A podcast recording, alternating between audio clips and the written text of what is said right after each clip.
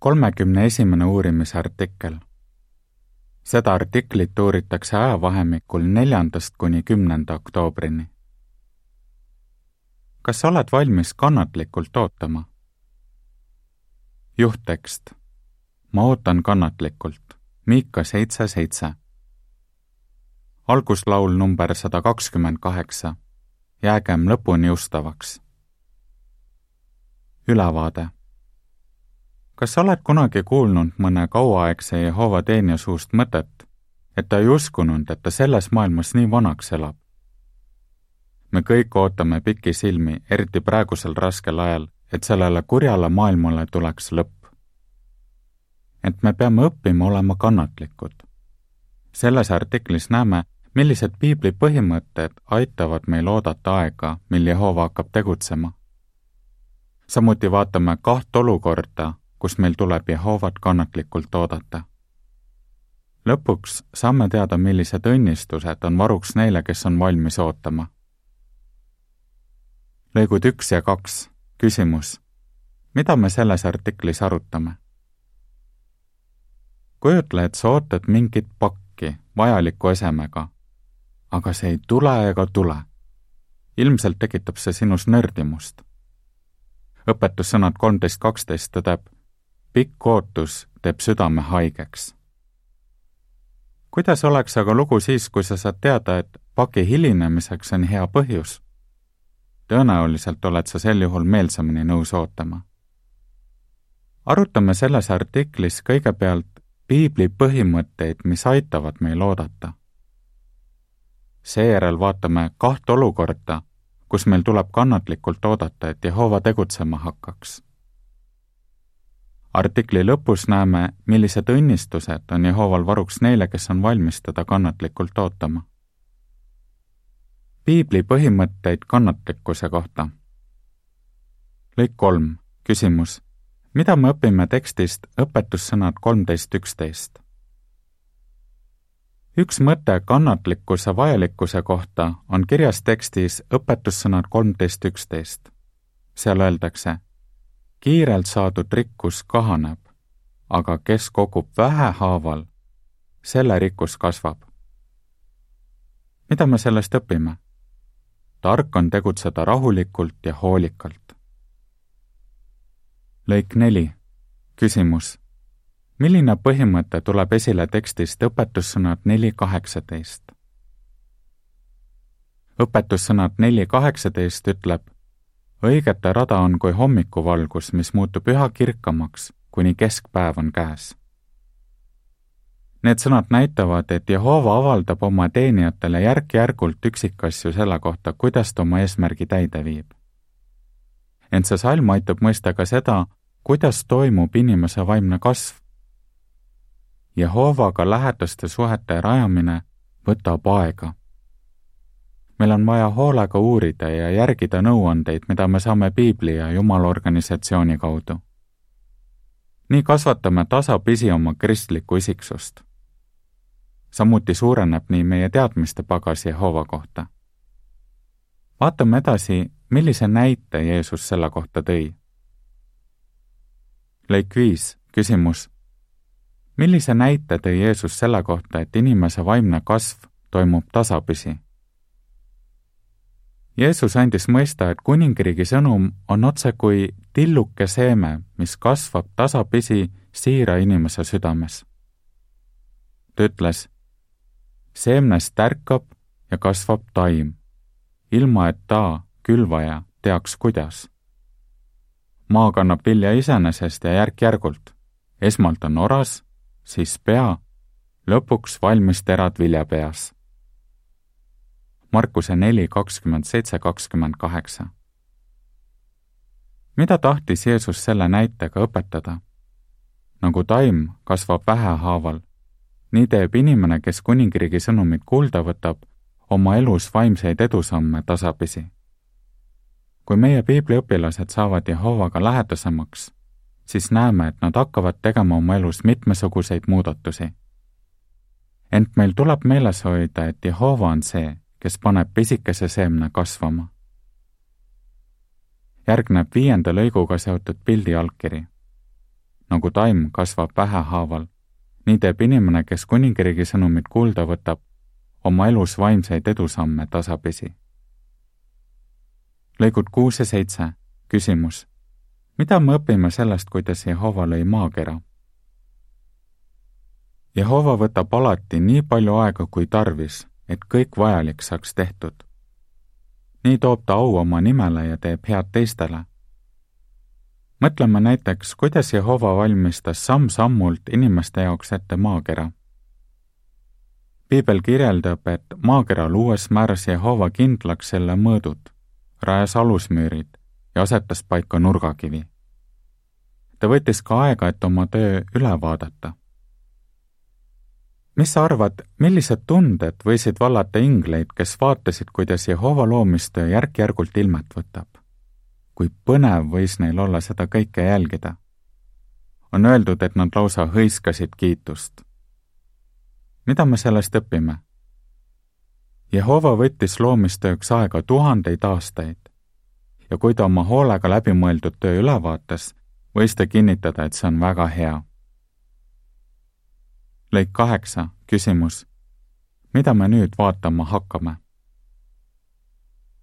eeltoodud lõikudest nägime, et Jumala sõnas on palju põhimõtteid, mis rõhutavad kannatlikkuse vajalikkust. vaatame nüüd kaht olukorda, kus meil tuleb kannatlikult oodata, millal Jehova tegutsema hakkab. millal meil on vaja kannatlikult oodata? lõik üheksa, küsimus. Mis on üks olukord, kus meil on vaja Jehovat oodata? meil võib olla vaja oodata, et Jehova vastaks meie palvetele. kui palume jõudu, et katsumustes kindlaks jääda või mingi nõrkusega võidelda, võime tunda, et see abi ei tule nii kiiresti, kui tahaksime. miks Jehova ei vasta kõigile meie palvetele otsekohe? lõik kümme, küsimus. miks on palvetades vaja kannatlikkust?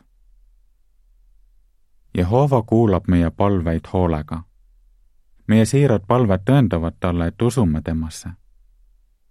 Jehova tahab ka näha, kas me elame kooskõlas oma palvetega ja kuulatume talle.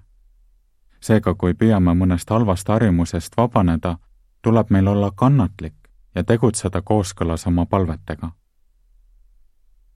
ka Jeesuse sõnadest võib välja lugeda, et kõik meie palved ei saa kohe vastust. ta ütles, paluge püsivalt ja teile antakse otsige pidevalt ja te leiate. koputage lakkamata ja teile avatakse. sest igaüks, kes palub, see saab. kes otsib, see leiab ja kes koputab, sellele avatakse. Matteuse seitse, seitse ja kaheksa. kui võtame seda nõuannet kuulda ja oleme palves püsivad, siis võime olla kindlad, et meie taevane isa kuulab meie palveid ja vastab neile lõik üksteist, küsimus. kuidas aitab meid piiblitekst heebrealastele neli kuusteist, kui meile tundub, et vastus palvele hilineb? ehkki meile võib tunduda, et vastus palvele hilineb, vastab Jehova sellele kindlasti õigel ajal. heebrealastele neli kuusteist ütleb, mingem seepärast julgelt Jumala armutrooni ette, et ta halastaks meile ja osutaks oma armu pakkudes meile abi õigel ajal. me ei tohiks kunagi Jehovat süüdistada, kui miski ei toimu nii kiiresti, nagu see meie arvates peaks toimuma. näiteks on paljud meist aastaid palvetanud selle eest, et Jumala kuningriik teeks kurjale maailmale lõpu. Jeesus on isegi käskinud meil selle eest palvetada oleks rumal lasta oma usul Jumalasse nõrgeneda sellepärast, et lõpp pole tulnud inimeste meelest õigel ajal. on tark oodata Jehovat ja palvetada tema poole usus. lõpp tuleb täpselt õigel ajal. Jehova on selle päeva ja tunni juba paika pannud ja me võime olla kindlad, et see on parim aeg. järgneb üheteistkümnenda lõiguga seotud pildiselgitus üks õde on lapsest saati Jehovaga korrapäraselt palves rääkinud. kui ta oli väike, õpetasid tema vanemad teda palvetama. kui ta alustas noorena pioneerteenistust, palus ta sageli Jehovalt kuulutustööks abi. aastaid hiljem, kui tema abikaasa jäi väga haigeks, palus ta Jehovalt jõudu vastupidamiseks. praegu on ta lesk ja palvetab ikka korrapäraselt. Ta on kindel, et taevane isa vastab tema palvetele, nagu ta on teinud seda kogu tema elu jooksul. pildi allkirjas öeldakse palvetamine aitab meil Jehovat kannatlikult oodata. lõik kaksteist, küsimus. mis olukord veel võib meie kannatlikkuse proovile panna? meil on vaja kannatlikkust, kui ootame õigluse jalule seadmist. Maailmas on tavaline, et inimesed kohtlevad halvasti neid, kes on teisest soost, rassist või rahvusest. samuti vaadatakse viltu neile, kes on füüsilise või vaimse puudega. paljud Jehova teenijad peavad taluma ebaõiglust seetõttu, et nad elavad piibli järgi. kui meile saab osaks mingi selline ülekohus, tuleks meil hoida meeles Jeesuse sõnu. ta ütles, kes lõpuni vastu peab, see päästetakse. Matteuse kakskümmend neli kolmteist. mida sa peaksid aga tegema siis, kui saad teada, et keegi koguduses on teinud ränga patu. kui koguduse vanemaid on asjast teavitatud, siis kas jätad selle nende hoolde ja ootad kannatlikult, kui nad Jehova juhendite järgi sellega tegelevad? lõik kolmteist, küsimus. Mida ootab Jehova koguduse vanematelt, kes saavad teada väärteost? kui koguduse vanemad saavad teada, et keegi on teinud ränga patu, otsivad nad palves tarkust Jehovalt, et mõista tema seisukohta selles asjas. Nende eesmärk on patustanu eksiteelt tagasi tuua. samuti tahavad nad kogudust igati kaitsta ning lohutada neid, kes on haiget saanud. Tõsiste väärtegude korral on koguduse vanematel vaja kõigepealt teha selgeks faktid ja on loomulik, et see võtab mingil määral aega. seejärel annavad nad eksinule piibli alusel nõu ning manitsevad teda parajal määral. koguduse vanemad ei taha midagi asjatult edasi lükata, kuid mitte ka tormata otsuse langetamisega. kui asja käsitletakse Jehova juhendite järgi, tuleb see kasuks tervele kogudusele. Ent isegi sel juhul võib mõni asjaga seotud inimene tunda end halvasti. kui sina tunned, et oled haiget saanud, siis kuidas sa saaksid oma valu leevendada?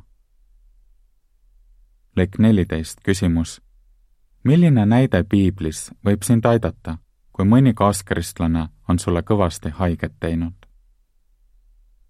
kas sina oled kunagi kellegi tõttu väga haiget saanud? Võib-olla oli tegemist isegi Jehova teenijaga. piiblis on häid näiteid selle kohta, et asjade kordaseadmine tasub usaldada Jehova hoolde. näiteks, ehkki Joosepile põhjustasid raskusi tema oma vennad, ei kibestunud ta.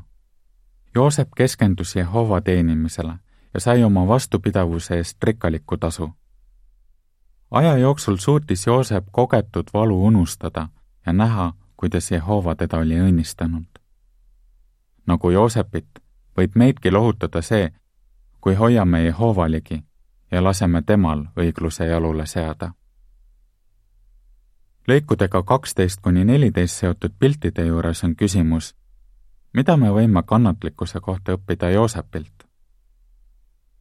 lõik viisteist, küsimus, mis aitas ühel õel ülekohut taluda? Muidugi ei pruugi meile saada osaks nii suurt ülekohut nagu Joosepile. siiski võib meil tulla ette olukordi, mis meile südamevalu põhjustavad kui meil on suhted kellegagi keeruliseks läinud, on abi piibli põhimõtetest. seda ka sel juhul, kui see teine inimene ei ole Jehova teenija. vaatame üht tõsielu juhtumit. ühele meie õele tegi väga haiget see, et töökaaslane levitas tema kohta laimu. Õde ei reageerinud aga rutakalt, vaid mõtiskles enne, kuidas ta saaks Jeesusest eeskuju võtta. kui Jeesus solvati, ei solvanud ta vastu seda põhimõtet silmas pidades otsustas õde, et ta ei tee juhtunust väljagi. hiljem sai ta teada, et sel töökaaslasel on tõsine terviseprobleem ja et ta oli seetõttu stressis. õde jõudis järeldusele, et ilmselt see töökaaslane käitus lihtsalt mõtlematult. Ta oli rõõmus, et suutis selles keerulises olukorras end valitseda ja ta sai tagasi oma sisemise rahu. lõik kuusteist, küsimus. mis võib sind lohutada, kui sind koheldakse ebaõiglaselt? kui sa pead taluma ülekohut või keegi põhjustab sulle hingevalu, siis pea meeles, et Jehova on ligi neile, kelle süda on murtud tal on hea meel, kui sa oled kannatlik ja heidad oma koorma tema peale. Jehova on kogu maa kohtumõistja, kelle eest ei jää midagi varjule.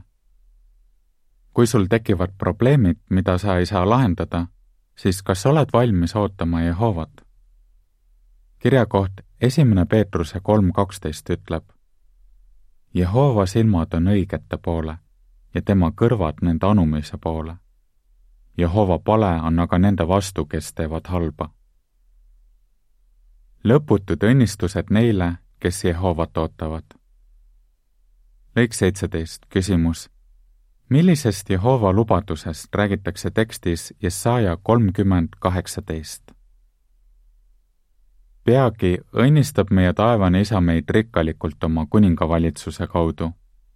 Jesaja kolmkümmend kaheksateist ütleb, Jehova ootab kannatlikult, et teile armu anda ja ta tõuseb, et teile halastada, sest Jehova on õiguse Jumal.